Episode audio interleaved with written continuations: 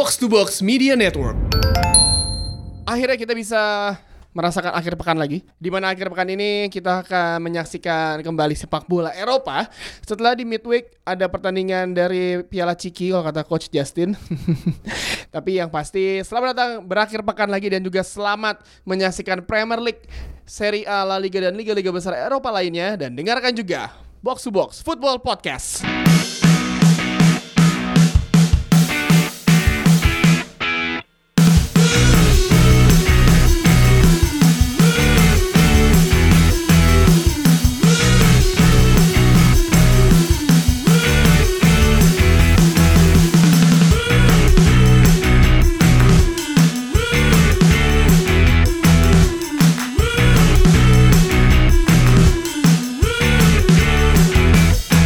Marcus Rashford. Oh, glorious! That is a special one. For distance, power, accuracy, and indeed significance, Marcus Rashford can count that amongst his best. It is a magnificent strike of the football. Dan di episode kali ini seperti biasa masih ada gue dan Justin. Gimana coach? Kita berdua terus coach. nggak ada masalah. Gak ada masalah ya coach. Show must Se- go on. sebuah apa namanya perusahaan yang mapan kalau kepala produksinya mati produksi tetap berjalan Tetap berjalan harus ya kan. kepala keuangannya mati in- eh, perusahaan tetap berjalan. Tetap berjalan. nah kita juga gitu Iya tergantung oleh satu dua orang Kecuali kalau emang tiga-tiganya nggak bisa, Nah, ya udah tuh baru, baru deh mohon repot. maaf. Kayak berapa pekan lalu gue nya ke mana, Jesse mana pakai ke mana nggak Iya. bisa. Biasa kita ada tamu tapi udahlah kita eh, mantapkan kita berdua dulu. Iya. Dan di akhir pekan ini eh, kemarin kita sudah menyaksikan eh, Piala Liga ada Liverpool lawan Arsenal 5 sama yang akhirnya menang eh, kayak Liverpool. kayak skor futsal Iya. gue itu berharap lu lu baca tweet gue nggak Heeh. gue itu benar-benar berharap Arsenal kalah Kenapa emangnya? ya biar fokus ke liga karena Arsenal tidak punya squad yang, Yang memadai dalam, untuk bisa main di tiga kompetisi empat kompetisi Iya. jadi Piala Kebo ini gagal, oke? Ntar pia- Piala Ciki gagal juga, lepas saja, nggak ada guna. Biar fokus ke C- eh, European League sama Liga aja. Ya udah lah ya. Tapi emang kemarin pertandingan lawan Liverpool itu eh ya kedua tim gak main tim full lah ya. Ozil main kan? Ozil main. Ozil Enggak, main. ke- kedua tim main cadangan. Dari empat besar tim besar yang main, Chelsea, MU, Arsenal, itu cuma MU aja yang full tim. Eh, Ar- Chelsea full tim loh. Kagak. Chelsea full tim. Kagak.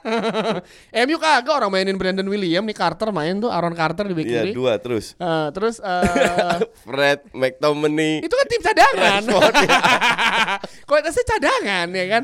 Eh, bisa Liverpool 5 sama 5 gol tercipta padahal Arsenal unggul terlebih dahulu ya kan? Unggul terus. Unggul terus kan. Ah, tapi akhirnya wih golnya Oxlade Mereka bilang pasti dua satu yes di Liverpool cetak gol empat dua ya elah pakai cetak gol segala. Empat empat. Lima empat. Ya ini iseng banget. Tap- tapi ini untuk gue sebagai bukti lagi bahwa Liverpool ini memang lagi di atas daun. Iya iya. iya. kemarin itu kan bi- biasanya mereka dapat penalti di menit-menit terakhir. kemarin itu dapat satu gol bunuh diri satu penalti dan gol di menit 94 lu kurang beruntung apa? Walaupun secara permainan layak seri. Iya, oke? iya, iya.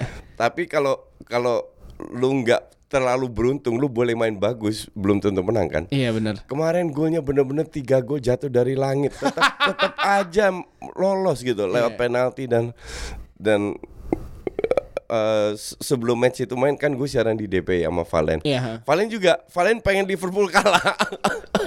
Karena karena gini, Liverpool kan menang dan dia kemungkinan pun walaupun menang dia mau ngundurin diri kalau si uh, IFL -nya Jadwalnya tanggal 16. Iya, enggak enggak karena dia bakal berangkat ke ini Antar kan. klub. Iya kan, Piala Dunia antar klub terus dia bisa mesti fokus ke Liga Champions juga uh, di mana posisinya juga belum aman di Liga Champions. Iya. Terus dia juga masih fokus Piala FA dan juga iya, Liga iya. Inggris. Jadi emang padat banget jadwalnya. Iya, iya, iya. Eh, menarik sih ngelihat Liverpool di Piala- sebenarnya Piala Liga kan beberapa musim terakhir menjadi salah satu alternatif ya. Kayak misalkan Pep Guardiola pun selalu mainkan tim tim utamanya kan. Iya. Walaupun Enggak lah, tim utama main mungkin di, di semifinal dan final. Enggak, dari dari awal musim lalu main tim utama terus lawan, lawan tim kecil. Raheem Oh Sterling iya, main, iya. Kevin Di- De Bruyne main. Diajar sampai 10 gitu ya. Iya, nggak Iya, peduli iya. dia. Dia sepertinya kalau Pep Guardiola mungkin berpikirnya adalah ini adalah eh, Piala Liga adalah kalau tim, kecil adalah eh, saat yang momen yang tepat untuk memaksimalkan strategi baru dia. Iya. Kayak lo skema-skema baru. Iya, Jadi iya. ya si City seperti itu, Liverpool yang emang eh, wajib harus jaga. Kita ingat tahun 99 itu MU kan mun- mundur dari Piala FA kan? Karena dia mundur karena kan jadi juara champion musim 99 dia Oke. main di Piala Dunia antar klub.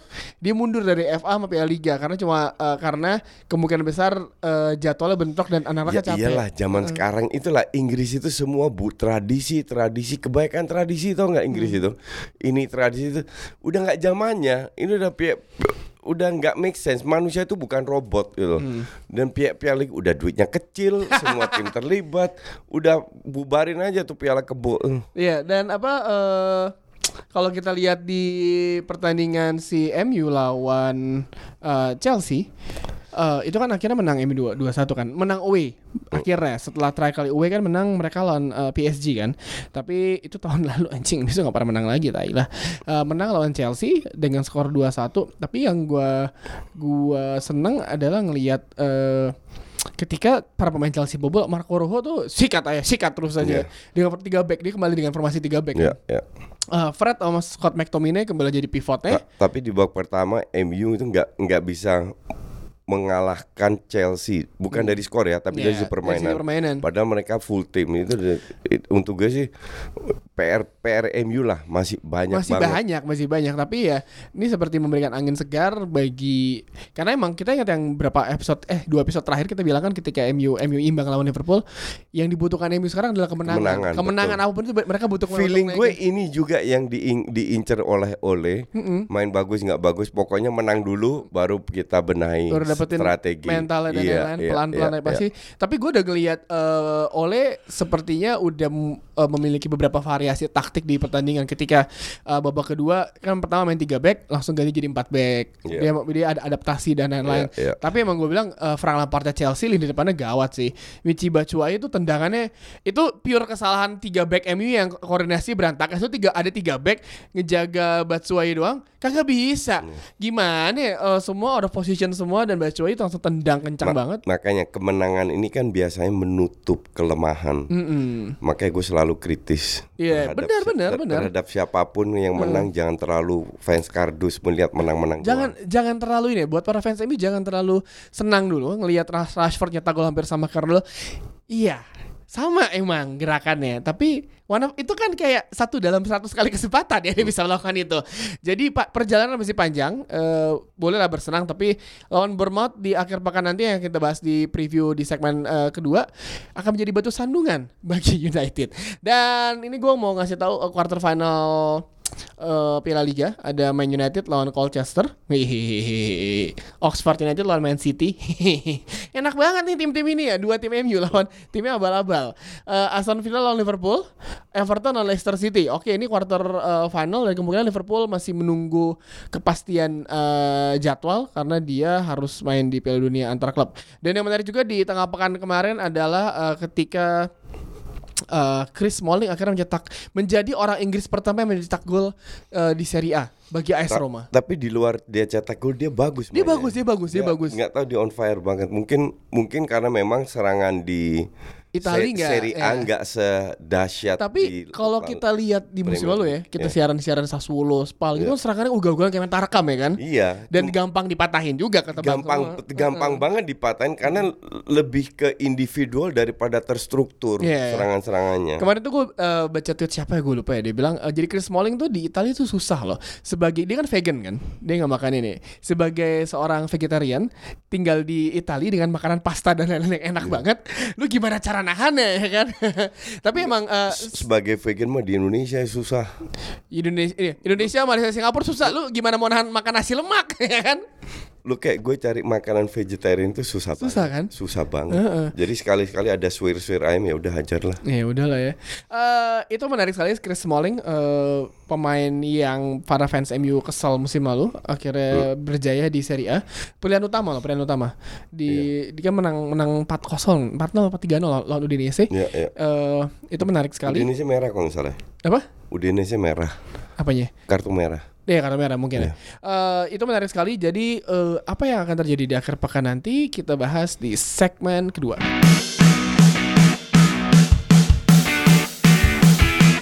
Ya di segmen kedua kita akan membahas preview pertandingan. Ini ada beberapa pertandingan eh, menarik akhir pekan ini. Yang pasti kita mulai dari Premier League dulu. Akhir pekan ini eh tanggal 2 November ya. 2 November itu ada Bournemouth lawan United itu yang eh, dimulai duluan deh. Dia main jam 18.30 nggak salah deh. Pertandingan pertama lah ya. Bournemouth lawan United di Vitality Stadium. Lo apakah melihat eh, main kandang tandang lagi nih coach? Sebuah ujian lagi bagi eh, bocah-bocah ini ya, main-main main tandang. Eh, apakah lo melihat ini akan menjadi sebuah momok bagi eh, eh, United di Bournemouth? Feeling gue ini tidak akan menjadi pertandingan yang gampang buat MU. Gue rasa strategi MU itu masih terlalu gampang dibaca. Di satu sisi Eddie Howe itu cukup smart lah untuk ke pelatih Inggris. Cuman MU menang dari sisi kualitas individu.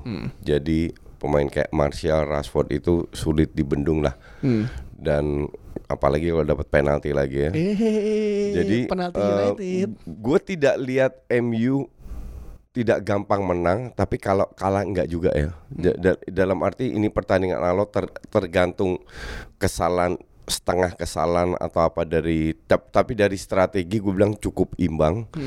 Jadi untuk gue ini eh, salah satu match yang layak ditonton. Cu- Cuman yang lo tau yang yang bikin menyedihkan itu apa? apa? Gue itu siaran eh, Crystal Palace lawan Leicester. Wah itu ada pertandingan abad It- ini coach. Itu big match kan? Big match, big match. Dan kalau lu lihat kalau tiga tahun yang lalu gue bilang sama lu, oh ntar ke depannya Crystal Palace dan Leicester akan jadi big match, gue diketawain satu Indonesia. ini big match ini. Dan faktanya adalah musim ini ini untuk merebut perangkat of, of tempat di empat besar.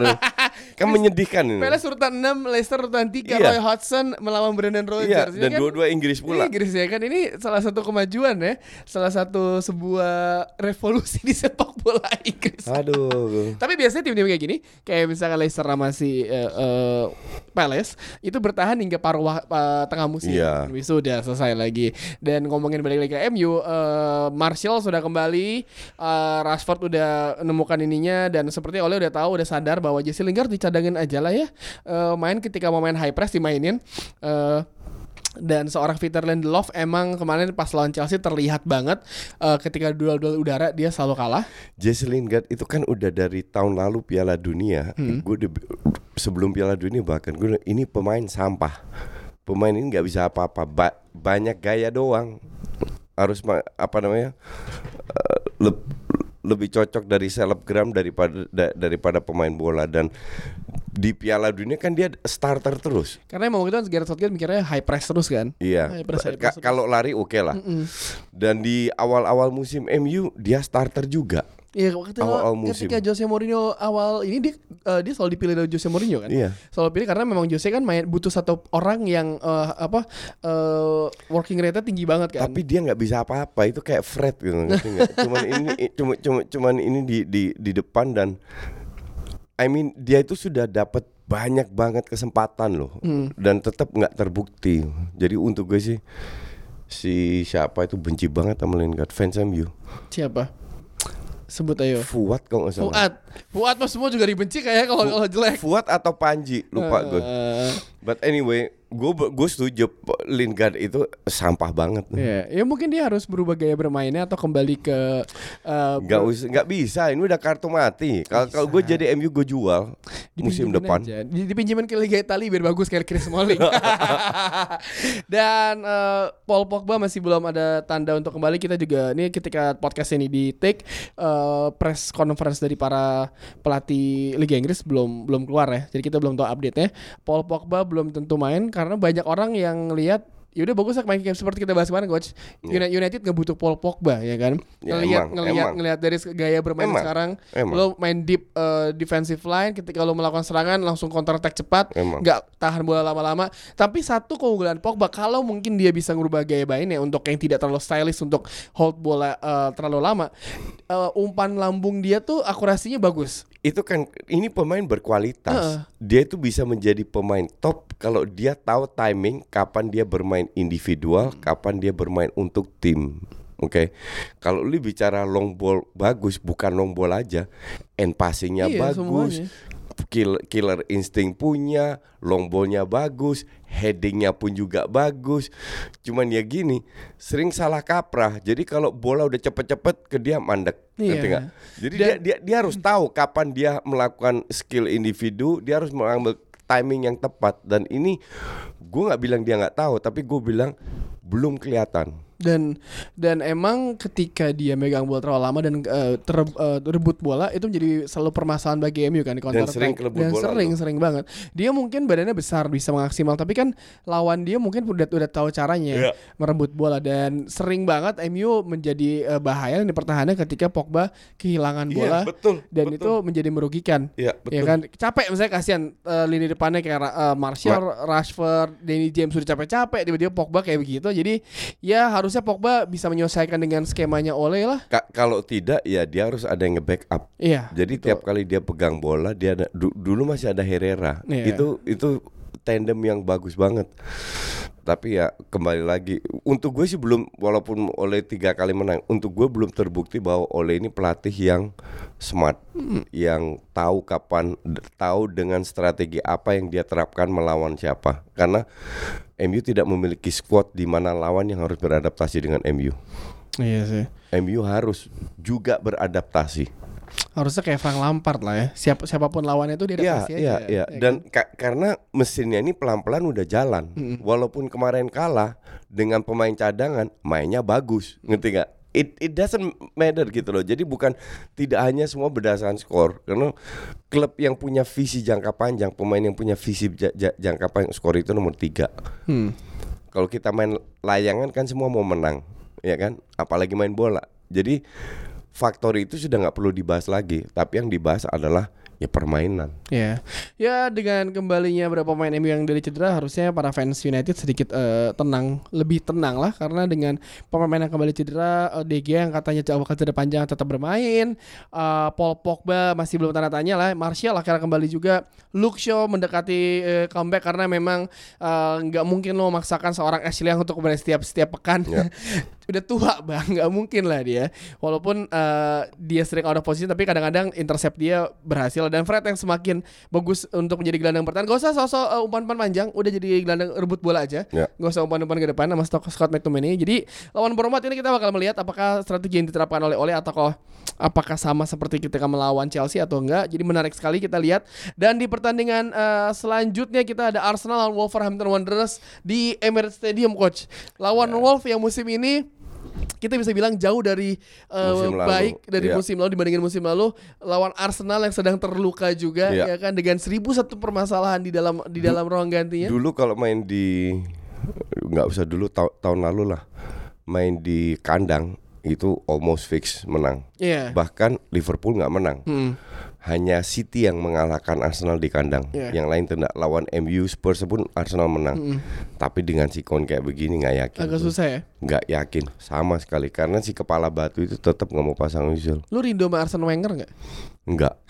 Ka- Kalau kalau kalau di kalau enggak lu lu lu pertanyaan salah. Lu rindu kalau lu tanya lu rindu sama Arsene Wenger tahun 2000-an enggak? Iya. Ya semua orang rindu lah. Nah, Gue aja exactly. takut ngeliatnya. Iya. Heeh. Tapi kalau Arsene Wenger yang lima tahun terakhir enggak, sama sekali enggak. Udah mulai kebingungan taktiknya apa ya. Iya. Dan, Dan, ya Unai Emery sekarang kan permasalahan ada banyak nih. Eh ya kemarin kita sempat nanya, gue sempat nanya lo kenapa sih nggak mainin mainin eh, Ozil karena ya kalau kata, kalau kata lo kan teori gembelnya adalah ya mungkin dari zaman La Liga udah kesel sama Ozil kan. Tapi Arsenal memang membutuhkan satu pemain yang kreatif kan. ceweknya pernah diembat Ozil kali. Mungkin kali ya. Heeh. Mungkin juga ya. Buk- bukan Arsenal butuh pemain kreatif. Liverpool itu nggak punya playmaker. Hmm. Tapi mes- mesinnya jalan luar biasa, efektif dan efisien. Hmm. Oke. Kalau lu punya pelatih yang tidak mau dengan playmaker sama kalau kalau kalau gue di futsal ya, gue tidak punya pemain depan pivot. Gue akan menerapkan strategi tanpa pivot, which is dua flank dan dua belakang. Ngerti nggak? Tapi jangan lu nggak punya pivot, tapi sok-sokan pasang pivot yang yang nggak cocok. Iya. Nah, dia kalau di Arsenal sama, lu nggak mau pakai Özil nggak ada masalah. Tapi yang jadi masalah kan dia nggak ada solusi. Iya. Dia pasang Ceballos di belakang Özil, dia pasang Willock di se- sebagai Özil. Dua pemain ini masih dua level di bawah Si kali. bocah kan. Iya kan, bukan bocah aja, tapi kualitasnya juga masih dua level di bawah Özil. Jadi something wrong. Kalau lu mau main tanpa Özil, jangan lu tempatkan eh, gelandang-gelandang yang yang ing- untuk menggantikan Özil enggak. Yang lu harus lakukan adalah merubah strat- strategi lo. Whatever caranya, main bola atas lah, bola bawah lah, mau apa atau lu tak taruh eh, eh, PP lebih di tengah, main dua striker, Auba dan Laka, terus lu lebih ba- banyak variasi lah dan itu tidak kelihatan. Ini yang ini yang menjadi concern banyak fans Arsenal. Sol Solusi itu di depan mata loh. Tapi kenapa lu terlalu kepala batu? Ng- Ngerti nggak? Kalau lu menghasilkan has prestasi nggak ada masalah. Everybody forget Iya. Özil. Nge- Ya, ya kan? Tapi yang jadi masalah kan ya itu di luar nggak berprestasi mainnya ancur-ancuran pula. Iya sih. Itu Dan dua, dua match terakhir itu menyedihkan. Permainan Arsenal dua match terakhir benar-benar menyedihkan. di Piala Liga sama di Liga. Iya. Piala Liga dihitung Enggak enggak. Pia- Piala Liga malah enggak enggak gue hitung di Liga. di di liga. Kalau kalau Piala Liga itu kan tim Tarkam lawan tim Tarkam tuh bisa kebobolan 5 dua-dua tim apaan tuh? Gue gue tulis di Twitter ada yang tahu nggak kapan Liverpool kebobolan 5 di kandang sendiri? Susah. Gak ada yang jawab. Kan? Ya, the, the real tim tim intinya Liverpool nggak bakalan. Nggak mungkin lah kebo- ngejebolin satu ke gawang Exactly. Liverpool yang susah. Ini kebobolan 5 di kandang lawannya tim Tarkam pula. Jadi Piala Liga itu tim Tarkam untuk la- lawan Tarkam untuk gue. Jadi nggak nggak nggak gue hitung. Ya Wolverhampton Wanderers di musim ini pun juga penampilannya eh, tidak membaik ya. Eh, mereka eh, masih memiliki permasalahan Tapi di- tetap di papan tengah kan. tetap di pantang masuk 10 ke bawah coach. Jadi kita tahu eh, mereka memiliki Portugal connection. Ruben Neves masih akan menjadi pemain utama. Joao Moutinho juga eh, yang menarik nih di depan mereka eh, ada Traore. Tapi Wolf ini bisa mengejutkan lawannya ketika melawan City mereka berhasil eh, mengejutkan mengalahkan eh, mengejutkan City kan dengan gaya bermain Ya. dalam counter attack cepat dan bisa eh, membuat para pemain City kocar kacir dan akhirnya mereka Ju- menang. Cuman berapa tim yang main kayak City? Nah itu dia dan Nggak ada. Nggak City ada. doang. itu dia. Jadi eh, melawan Arsenal kalau misalkan si Wolf bermain counter attack lagi eh, dan maksimal kecepatan lini depan mereka, ada Traore cepet banget loh larinya. Ada Traore plus ada Raul Jimenez juga, Neto di sana. Jadi menurut menurut menurut gua sih ini pertandingan bakal seru sih kalau si Emery salah menerapkan strategi aja mau bermain terlalu terbuka bunuh diri gak sih? Lu kalau lihat lawan Crystal Palace ya, itu yang cetak gol kan dua back. Eh, it- itu tiga pemain depan yang digadang yang cukup menakutkan setelah trisulannya Liverpool. Kan trisulan Arsenal itu yang cukup di atas kertas Iya, heeh. itu nggak kelihatan. Sama sekali. Entah kenapa ya. jadi kita ya ka- karena kalau gue bilang lini tengahnya kurang mendukung. Oke. itu nggak kelihatan. Sama sekali. Nah ka- kalau seandainya lawan Wolves kejadian kayak begini bisa selesai itu tapi kalau pemain depannya Laka Oba on fire kalau PP 50-50 lah. Tapi La- Oba on fire selesai itu Wolves Selesai. murni karena bukan karena pemainnya hebat karena dua pemain depan karena individual kelas mereka aja. Selain Arsenal Wolf ada Aston Villa yang akan bertemu dengan Liverpool. Liverpool butuh menang nih untuk semakin memantapkan posisinya di atas karena main di mana? main di kandang di Villa Park. Di Aston. Villa. Aston Villa kita tahu musim ini kan eh, dia tidak terlalu konsisten penampilannya. ya kan. Eh, nggak jelas Ya tipikal tim-tim baru eh, promosi lah ya Iya. kan. Eh, setelah sekian lama dia di apa divisi championship dan akhirnya eh, kembali ke eh, Premier League Eh, tapi melawan Liverpool kalau ka- kayak ini begini ketika Liverpool lawan Sheffield United kan Sheffieldnya mainnya bertahan banget kan Hmm. sampai akhirnya menit 80 kesalahan di Henderson tuh akhirnya kebobolan jadi ini sebenarnya bisa direplika sama Aston Villa kan karena dengan skuad yang ada gue sih nggak ngelihat mereka pasti gue nggak pasti bertahan Gue nggak ngelihat mereka bakal eh, berusaha untuk pressing seperti apa yang dilakukan oleh tim-tim lain lawan Liverpool ya. Jadi eh, memaksimalkan pemain yang ada. Eh, kita lihat dari skuadnya si eh, Aston Villa pun eh, ada seorang eh, Jack Grealish di sana, ada Henry Lansbury ini bekas Arsenal kan? Ada Karim El Ahmadi. Iya, iya, iya. karena Mel Ahmadi, ntar dulu coach, udah nggak ada sekarang. Eh, kok El Ahmadi? Bukan, ada. bukan. Eh, Ini Anwar El Ghazi. El Ghazi. El Ghazi Belanda kan? Ya. Belanda. Dan juga ada ya dia memiliki satu pemain belakang yang jadi sorotan di tim nasional Inggris ada Tyron Mings eh, jadi pemain belakang mereka Eh, El Mohammadi jadi eh, dia kan awalnya sayap kan jadi back jadi back ya kan jadi sayap jadi menarik sih ngelihat Liverpool dengan apakah Liverpool menurut lo Liverpool kalau ngelawan Aston Villa gini apakah dia bakal nurunin tim fullnya Iya. atau full pasti ya Seribu persen. sudah full ya Karena yang dirubah itu kan biasanya cuma lini tengah. Kadang Henderson main, kadang Wijnaldum main, kadang. Milner main, kayak kayak kadang Keita. Tapi em, apa namanya? Kalau depan bela- belakang kan nyaris enggak. J- jadi untuk gue sih se- sejuta persen full team. full tim ya Karena ya seperti yang lu bilang untuk menjaga konsistensi. Iya dan juga kan dia butuh apa karena dia tahu kan bakal padat jadwalnya kan. Iya. Dan ketika dia main di Piala Dunia Antar klub dia kan kehilangan berapa pertandingan yang harus harus mereka kejar tuh Iya. di pas balik lagi kan. Dan itu capek banget loh Ya, mainnya. ma- ma- makanya eh, terutama Januari ini akan menjadi tanda tanya buat Liverpool. Jadi krusial nih ya bagi Liverpool ya. Dan selain Liverpool ada pertandingan kita lihat ada sorry City lawan Southampton. Southampton habis dibantai. Gue bingung sama Hasan Hutel ya, tapi ya sudahlah. Udah kita bahas kan. Udah bahas. Jadi City lawan Southampton. City udah pasti ya udahlah tim utamanya pasti bakal main. lah. Raheem Sterling lagi panas banget. Terus Sergio Aguero sama si Gapsus aja. Sama Gabriel Jesus juga saling ini kan, saling rebutan posisi di utama kan. Iya. Jadi menarik kita lihat apakah City bisa mengalahkan Southampton atau Southampton mungkin bisa kembali dari keterpurukan walaupun main di kandang City susah ya ngelihatnya ya. Oh main di City. Main di City. Susah lah ini. Di mereka bukan seorang Crystal Palace yang bisa nyetak gol. kal- kalau kalau kayak kayak kayak gini gue pengen tahu furnya berapa. Ka- ka- karena terakhir tahu furnya berapa? No, 3-0 kan? Tiga, iya. Dan furnya tiga. Jadi nggak ada yang menang, nggak ada yang kalah. Yang City menangnya tuh kan menang Iya, 3-0, menang 3-0, Bandar kasih 3 Makanya gue pengen ini Bandar kasih berapa nih? Apakah dua setengah atau tiga setengah malah?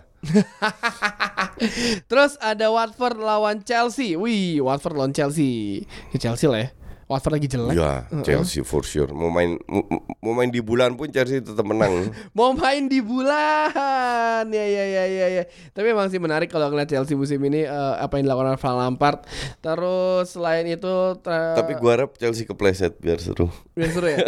Lu pengen juga semuanya pengen kepleset biar seru ya kan. Eh ini yang lu siaran Leicester lawan Crystal Palace coach di Selhurst Park Iya. di London.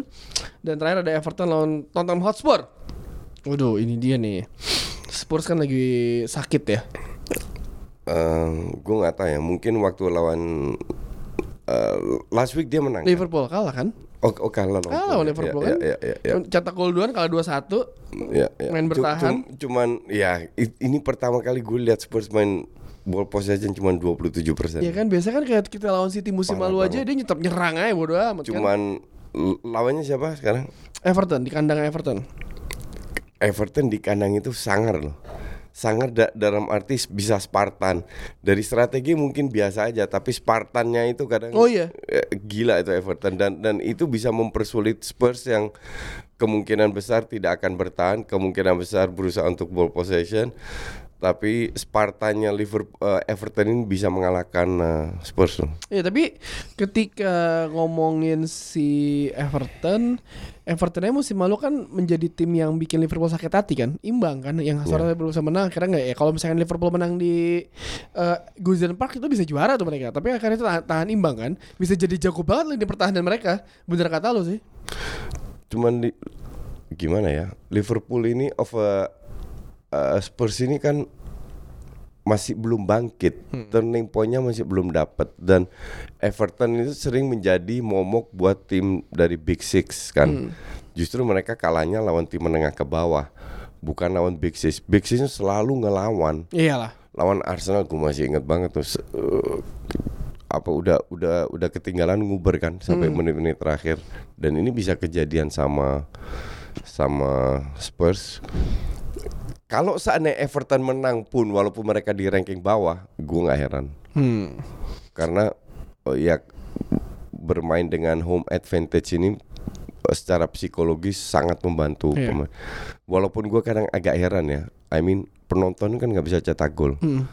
Jadi mau home mau away, what the fuck ya, you play, you, ka- kalau lu berikan segalanya, you give everything, kenapa lu nggak bisa menang gitu? Makanya Iyalah. untuk gue kadang, oh ma, ini kan main di home, main di away, harusnya itu nggak ngaruh. Dan kita pindah ke kita bahas beberapa liga eh, pertandingan di beberapa liga Eropa yang besar-besar. Adalah Liga Levante dan Barcelona. Barcelona tuh udah bener belum sih coach? Udah. Udah bener. Udah. Udah benar dalam arti line up yang di Valverde ini kan nggak nggak usah ngomong strategi. Line up bener aja udah oke kita kita semua ngerti nge- ngerti nggak lo? Jadi yang bikin kita kesel bikin line up aja ngawur gitu loh. Hmm. Jadi kita cuman kalau seandainya Arthur, De Jong, Busquets main wa- walaupun apa namanya ini yang sering diturunkan ya. Tapi gua harap sih Rakitic lebih bisa main DM daripada Busquets. Hmm. Terus eh, di belakang ya it doesn't matter mau siapa siapa, siapa main asal Sergio Roberto jangan ditaruh di tengah aja. mau Serbi Sergi di kanan mau Semedo sama aja. Alba di kiri, ya depan mau mau eh De- Dembele masih cedera ya. Mau Ansu Fati atau Griezmann sama aja lah. Griezmann tuh kenapa nggak terlihat bersinar nih Barcelona ya? Apakah karena Se- terlalu banyak bintang atau emang skemanya nggak cocok buat dia aja? Sebenarnya ada ka- kalau gue lihat dua faktor. Satu dia butuh adaptasi karena dia dan Messi emang dua-dua orang yang pendiam itu emang agak susah. Tapi ini Pique ter- terakhir bilang mereka udah oke kok, udah pelan-pelan dan Messi pun mengakui dan pelan-pelan kita sudah mulai mulai berkomunikasi lah kasar dan begitu. Tapi yang dan dan yang kedua eh, di ATM itu kan dia sering cetak gol kalau dikasih space Iya. ya kan di Barca kapan lu dapat space nyaris nggak nggak nggak sering lah dan di situ dia agak sulit beradaptasi Dan dia kan mesti kalau di Barca kan pemain harus menciptakan space sendiri kan? iya dan, Jadi- dan kalau ATM kan ball possession 50% counter counter counter Iya, tipikal Diego Simeone deh. Iya. Ngomongin Atletico Madrid, mereka akan bertandang ke Sevilla eh, hari Minggu nih dini hari. Eh, terus ada Real Madrid lawan Real Betis. Kalau kita lihat sebenarnya eh, Barcelona sekarang udah di top of the league lagi kan, beda satu poin Iya. sama Real Madrid di lima pertandingan. Real Madrid ada dua eh, dua kali kehilangan poin besar, satu kali kalah, satu kali imbang. Dan apakah dan akan kehilangan lebih banyak poin Nah, lagi apakah lu ngelihat Real Madrid sekarang menar- me- setelah mengalami grafik meningkat di, li- di liga, apakah lu ngelihat akan mengalami gra- grafik menurun karena kita tahu El Clasico ditunda kan? ya Di belum ketemu Barcelona, beruntung tuh ya kan? kalau nggak dicuci tuh. Nah, itu dia. Ketika momen Real Madrid seperti ini bermain eh, di El Clasico, apakah ini akan sangat merugikan menguntungkan bagi Real Madrid dengan ditundanya El Clasico ini? Iya, iya, for sure menguntungkan Real Madrid. Walaupun sekarang lagi mereka menang ya, tapi mainnya tidak sebagus dulu. Hmm. Jadi bukan berarti ini mesin sudah berjalan, Ini eh, tapi karena kualitasnya aja mereka bisa men- bi- bisa memenangkan pertandingan. Iya. Cuman kalau dari sisi permainan masih jauh dari orang yang kenal Madrid seperti Ya, apa. dan juga banyak banget pertanyaan eh, apa sih sebenarnya yang membuat Real Madrid kayak kehilangan sesuatu ketika Ronaldo cabut kan? Gue sih gue sih sebenarnya nggak lihat bukan karena Ronaldo cabut aja. Gue melihat ke kelemahan Zidane itu lebih terbukti bahwa dia itu bukan pelatih yang hebat. Kedua, pemain-pemain yang yang dia handalkan itu udah performanya menurun semua dari Kroos, Modric, Carvajal, eh, Marcelo, eh, Casimiro, Bale, Karena emang udah Benzema. emang udah mesti cuci gudang gak sih mereka untuk melakukan Iya, regenerasi? iya, iya. Ya Dan Benzema masih belum dapat tandemnya. Dia punya ini kan si Madrid itu punya pemain baru yang eh, mereka belikan itu kan? Vinicius Bukan yang eh, ba- baru beli dari sorry, baru beli Jovic. dari Jovic ya. ya Luka Jovic masih ada kan? masih Maksud gue Cuma- Cuman Luka Jovic itu kan real striker juga kayak Benzema. Iya maksud gue ketika Benzema udah seperti ini kan Benzema harus- kapten loh. Iya. maksud gue setelah seperti ini kan harusnya si eh sorry si Zidane kan ngelihat oke gue sepertinya bisa main mainin dia nih pemain ini kan musim lalu kan gawat Sekali-sekali dimainin memang, dan cuman sekarang musim ini baru nyetak eh, satu gol di La Iya. Liga Liga Champions jarang main. kenapa ya aneh-aneh ya ngeliatnya ya Ya ka- karena itu kemiskinan taktiknya si Zidane Bingung tidak ya? tidak. Gua, gua kalau punya Jovic sama Benzema, gue mainin dua-dua, Twin Tower lah bodo amat lah ya. Twin tower, gue pasang satu di belakang, Hazard dong.